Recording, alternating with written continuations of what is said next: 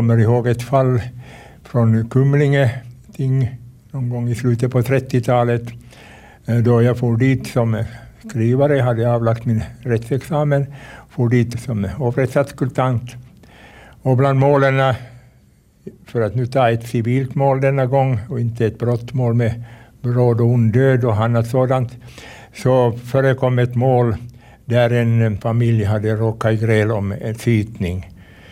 Sytning, det får du förklara. Ja, sytningen, det är att förr i världen eh, så när man överlät ett hemman till oftast den äldsta sonen så förbehöll man sig själv ett underhåll i natura. Det vill säga man förbehöll sig fri bostad med värme, ved, huggen ved och så vad det var. Man förbehöll sig också mat i olika former som angavs i sytningsavtalen som gjordes upp eh, precis i kilogram och liter. Nåja, det här målet hade den gamla husbonden ansett att han inte fick ut full sytning och eh, stämt in sin dotter och svärson för att eh, få den resterande delen i reda pengar, vilket ofta förekom. Men eh, de hade inte kommit överens om beloppet. De tyckte att han fick tillräckligt med förmåner så att målet blev instämt. Parterna kom själva till rätten och förde själva sin talan. Och eh, man hade då försökt tidigare få dem att samsas och avstå från en rättegång, men det gick inte. Och nu försökte domarhavanden, helminen, tala dem till rätta, men också förgäves.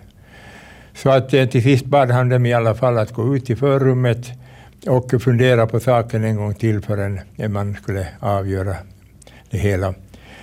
Under tiden medan den här rättegången pågick hade en ung prästman, han var tjänstförrättande kyrkoherde i Kumlinge, kommit till rätten. Han var nyfiken, och intresserad och ville följa med det hela, hade följt med andra mål. Och eh, Helminen fick se honom sitta där, så sa han att kyrkoherden går ut och ordnar upp det här med de här parterna så att vi slipper det här otrevliga målet. Det gjorde kyrkoherden, gick ut, man hörde ett ivrigt gräl utanför men så småningom tystnade det hela och dörren öppnades och in kom gamla husbonden, till åren förstås rätt så långt kommen, med näven full av pengar. Så man antog då i rätten helt enkelt att han hade fått det han hade krävt i reda pengar och gubben sa att jag är nöjd, ni kan avskriva det här målet. Efteråt fick man sen höra av poliskonstaplarna som också hade varit där i förrummet och lyssnat på det hela att det var kyrkoherden som hade sträckt till det felande beloppet och sen försvann han från platsen och kom aldrig dit tillbaka. Hur kom det sig att den här kyrkoherden tog av sin egen, förmodligen inte alltför feta lön? Ja, det var säkert riktigt. Det var väl inte så fet, men han tyckte att det var väl hans kall det här som sa honom att, enkelt att han borde få det här upprätt om det sedan också sved i hans lilla penning. På sätt är ganska trevligt för mig att komma ihåg det här tingstället. Nedre Dansas, det är mycket omtalad gård i Kumlinge, berömd, som har funnits kvar ända till våra dagar. Och eh, det är det nämligen att eh, när jag blev tingsberättigad, skulle själv få sitta som domare, så fick mitt första mål vara ett urtima extra mål. och det var i Kumlinge där en i Kastelholm häktad tjuv och alkoholförsäljare, spritförsäljare skulle dömas. Och jag får ensam dit ut på detta ultima ting och skulle få fångförare och fånge med mig från Färgsundet som väl var den närmaste angöringsplatsen för ångbåten till Kumling och vidare till Åbo. Men i Färgsundet la jag inte märke till någon fångförare, än mindre till någon eventuellt utklädd fånge. Utan det kom fyra, fem karlar ombord med och eh, vi satt i ångbåtens matsal och, åt lite och drack kanske kaffe och sånt. Eh, allihop tillsammans i bästa sämja och berättade om alldagliga händelser. I Kumlinge steg jag av och då steg där en par stycken också av. Och, och, jag tänkte att det här blir väl inget mål för mig nu, ingen fånge och ingen fångförare uppenbarar sig. Följande morgon var jag på Stingstället nere i Dansars och eh, målet ropades upp och till min förvåning så uppenbarade sig plötsligt en mansperson där och påstod att han var Han var den häktade. Den som dök upp på tinget det var en av mina medpassagerare på båten. Det fick jag förstås klart för mig då. Och han blev dömd för jag tror att det var ett rätt lindrigt straff för gärningen var i våra dagar sett ganska obetydlig, men eh, skulle då förpassas tillbaka till Kastelholm. Och då försökte vi få tag i en fångförare, men han befanns vara i Åbo. Och det skulle dröja tre, fyra dygn förrän båten nästa gång skulle angöra vid Kumlinge brygga. Så att vi fick eh, vidtala en båtförare att föra mig, men på det villkoret då att jag skulle ta fången med mig till Degerby där nästa fångförare fanns och skulle Eh, hoppa in. Och, ja, jag gick med på det här för att vi ville ju hem allihop. Men i Degerby fanns det inte heller någon fångförare. Han hade också fått något förhinder och var borta. Så att jag fick föra fången vidare ända till Mariehamn, promenera tillsammans med honom upp till polisinrättningen och där överlämna honom sen åt den fortsatta rättvisan. Ni kanske till och med blev goda vänner under den här resan? Visst blev vi goda vänner och diskuterade och jag, han föreföll rätt nöjd med, med domen och jag, jag var väl nöjd med min första rättegång.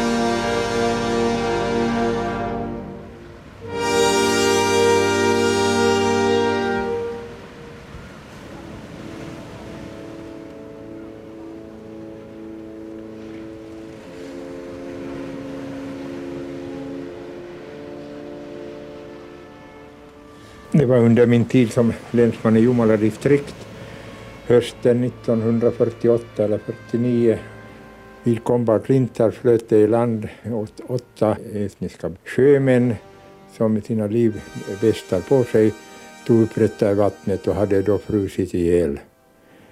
Det framgick då att de hade varit med på en, ett fartyg som besättningsmän som hade förlist utanför Roslagskusten och de hade drivit då över Ålands hav och hamnat till vattnen utanför Kobba-Klintar. De fiskades upp med hjälp av polisen och ortsbefolkningen och fördes till bårhuset vid Jomala kyrka där vi då identifierade dem från Jomala länsmans kontor. De klädde av dem och eh, då kom jag plötsligt till min förvåning att känna igen en av dessa lik såsom en pojke med åländskt påbrå. Hans far var åländsk, eh, ålänning, jurist i Helsingfors. Och den här sonen hade deltagit i vinterkriget och blivit sårad i, bland annat en granatskärva i, i, i ena låret. Hade farit på sjukpermission till Sverige och aldrig återvänt.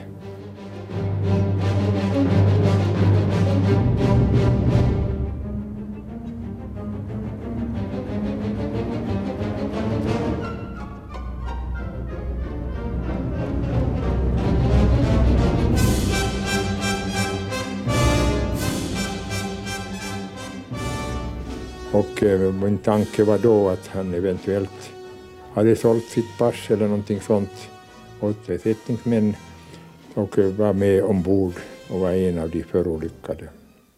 Det märkliga var nu när vi identifierade de här liken av just honom att vi också hittade ett sår på hans lår som förstärkte uppfattningen att det var han genom att han då hade fått denna granatskärva under kriget.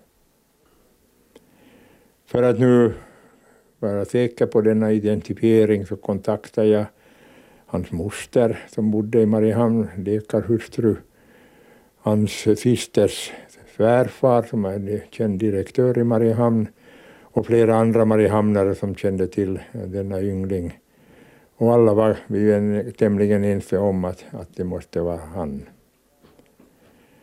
Jag eh, tyckte i alla fall att jag skulle skicka överkonstapeln Georg Wideman med liken till Sverige där eh, då polisen skulle ta hand om hela saken.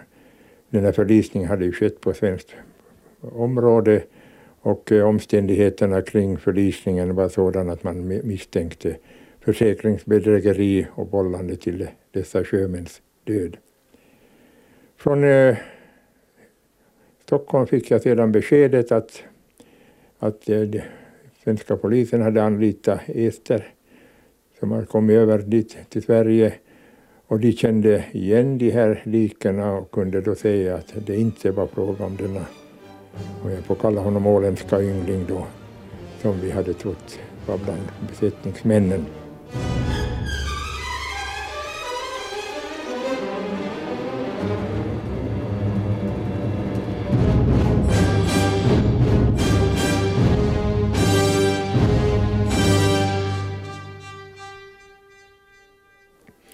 Men för att säkerställa det hela så var svenska polisen oss behjälplig med att försöka efterhöra var denna yngling fanns i Sverige. Och efter några dagar fick vi man reda på att han var uppe i norra Sverige, i Kiruna, där han hade arbete som servitör på en restaurang. Jag fick ganska fort telefonkontakt med honom och um, han kunde då genom exempel från Mariehamn och Åland och andra händelser eh, påvisa att det verkligen var han och att vi hade misstagit oss här. Men eh, detta visar hur svårt det kan vara ibland att identifiera folk. Man lär sig ju av sånt här förstås att det gäller att vara ytterst noggrann och inte endast lita på vad man ens egna ögon kan eventuellt berätta.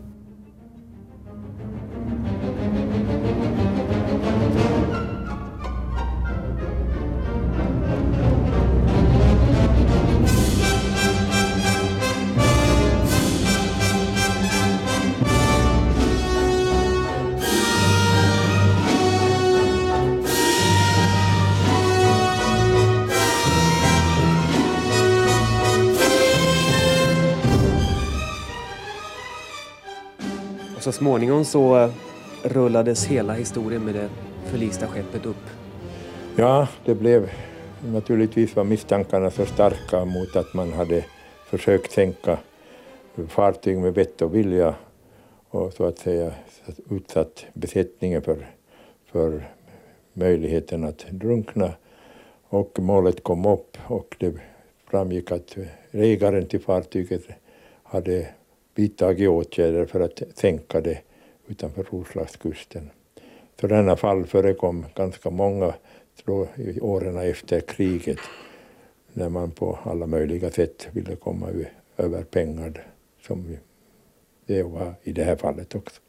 Den här dubbelgångaren då som hittades i sin flytväst, fick man någonsin reda på vem det var? Dubbelgångaren var ju en estnisk sjöman han hörde till samma grupp och man fick ju reda på från Estland varifrån fartyget var hemma. Eh, så fick man uppgift om hans namn och alltihop så att saken blev nog helt utredd så att eh, det, där föreligger inga tvivel numera. Och den åländska ynglingen, Helsingforspojken, han flyttade sedan över till Amerika och där dog han också. Så han kom aldrig tillbaka hit.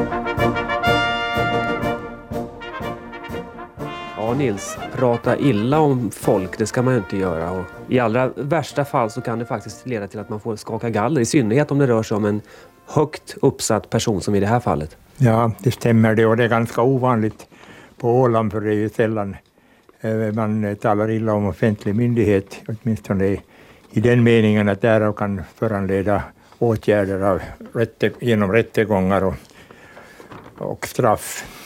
Men eh, det hände verkligen för cirka 50 år sedan ett sådant mål, enastående i Ålens kretshistoria, och det är väl närmast den jag tänkte berätta om.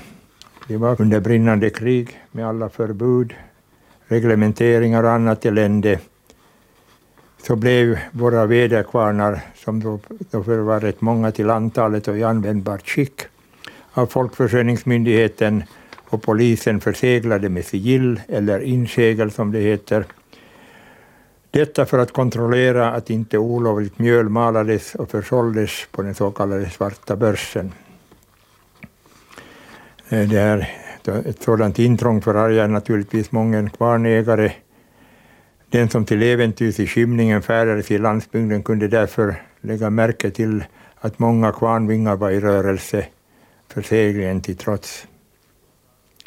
Frestelsen var tydligen för stor, så, och för den lantbrukare jag nu ska berätta om. Han blev nämligen instämd till häradsrätten för att ha brutit polisens försegling och det hjälpte inte att han försökte förklara det med att, med att framhålla att han var tvungen till det här genom att reparera kvarnstenens axel som skulle också fungera som transmission under pågående tröskning. Detta till trots dömdes han till böter. Det olyckliga med vår vän kvarnägaren var, som var i 50-årsåldern på den tiden var var att han hade deltagit i första världskriget och till och med anslutit sig som några andra ålänningar till finska jägarbataljonen i Tyskland, varifrån han 1918 hade återvänt som fältvävel med bataljonen för att delta i vårt inbördeskrig. Han hade till och med deltagit i slaget vid Tammerfors till dess han, som han själv uppgav, som första av dessa jägare tog avsked från det, det militära. Som orsak eh, hade han för polisen uppgivit den politiska ruttenheten i landet och att arméns överbefälhavare, eh, marskalk Mannerheim, ställt sig på den menedares sida mot sitt eget fosterland Finland. Med det här avsåg han att eh, vår överbefälhavare då skulle ha ställt sig på ryska tsarens sida för att motarbeta Finland före befrielsen 1918. Det här kan ju synas vara ett, ett befängt uttalande. Och det här något som han yttrade i glada vänners lag eller under vilka omständigheter? Det var väl mera löst prat oftast det här, i alla fall kanske inte så allvarligt menat. Men för några personer som också blev hörd av statspolisen. Vi hade en sådan representant också här på Åland under kriget. Hade denna lantbrukare vid en kaffestund i sitt hem gjort uttalanden i samma riktning som jag nyss nämnde, bland annat sagt att det var oriktigt att överbefälhavaren var marskalk av Finland, medan han enligt hans åsikt i själva verket var djävul av Finland. Ett sådant uttalande bestred han likväl vid rätten.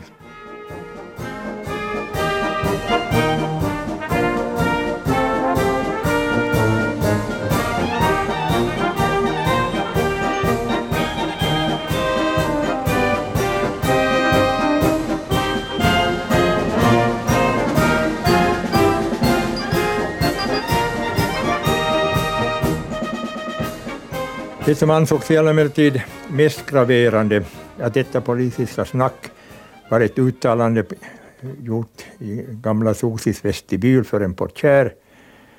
Graverande därför att eh, folk gick av och an i vestibulen som det stod i polisprotokollet. Tydligen eh, avsåg man just därför att eh, lantbrukarens skymfliga uttryck om Mannerheim var offentliga. Att märka är att samtliga personer som hördes av stadspolisen mycket väl kände till lantbrukarens häftiga lynne och störande uppträdande då han kom in på krigspolitiken och dess främsta företrädare, självaste överbefälhavaren. Därför uppgav också samtliga de här personerna som hördes av polisen att de avlägsnade sig fortast möjligt för att slippa höra mera av hans utläggningar. Han var ganska känd för det här. Allt nog, lantbrukaren, kvarnägaren och, och krigshjälten blev instämd i höstinget 1942.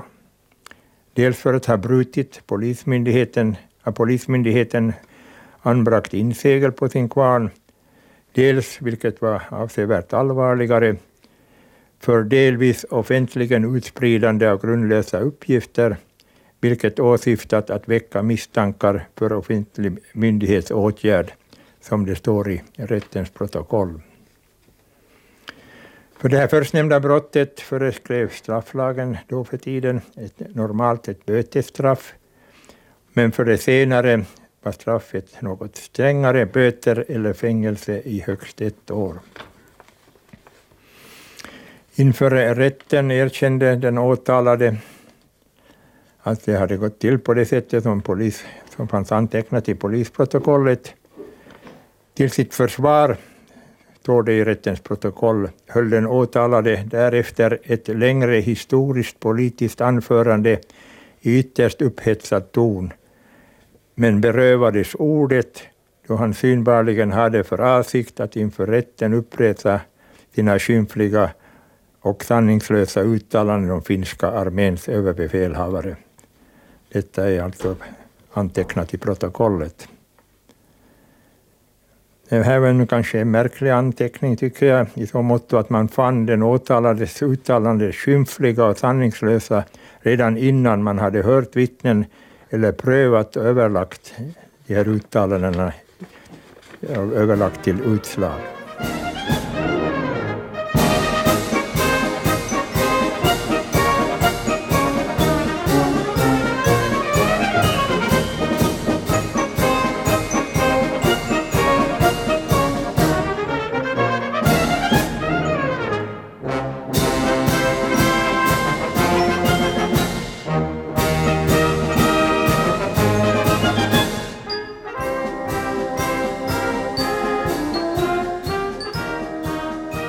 För kvarnbrottet, om man kan kalla det så, dömdes han till 50 dagsböter och för tillvitelserna till hela åtta månaders fängelse.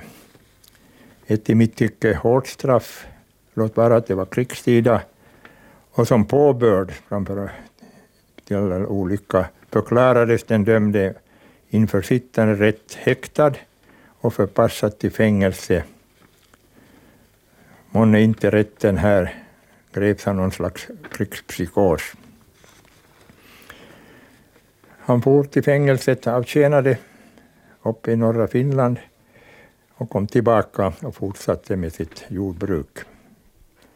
Drygt tio år senare, efter den här rättegången, uppsöktes jag av honom på mitt arbete i Mariehamn och då hade han med sig ett rätt omfattande manuskript som jag fick ögna igenom. I det här manuskriptet beskrev han rätt utförligt sina levnadsöden som barn och ungdom, soldat, jägarfältväbel, sin politiska, om sin politiska uppfattning, om rättegången, om fängelsevistelsen i norra Finland, om umgänget med krigsfångar, om tiden som inträffade därefter. Det, var här, det här var en, många stycken märklig levnadsbeskrivning tycker jag. Den var skiftelserik och gripande, hans liv. Som en beskrivning som borde vara värd ett bättre öde än att glömmas bort. Höll han tand för tunga efter den här bittra erfarenheten? Nej, då det gjorde han inte. Han berättade för mig då när han kom med manuskriptet upprepade han sina, sin åsikt och det vara honom förunnat att ha en personlig åsikt. Det var detta kanske detta besök på Rosis i vestibylen, hans uttalande där som fick så att säga bägaren att rinna över för stadspolisen.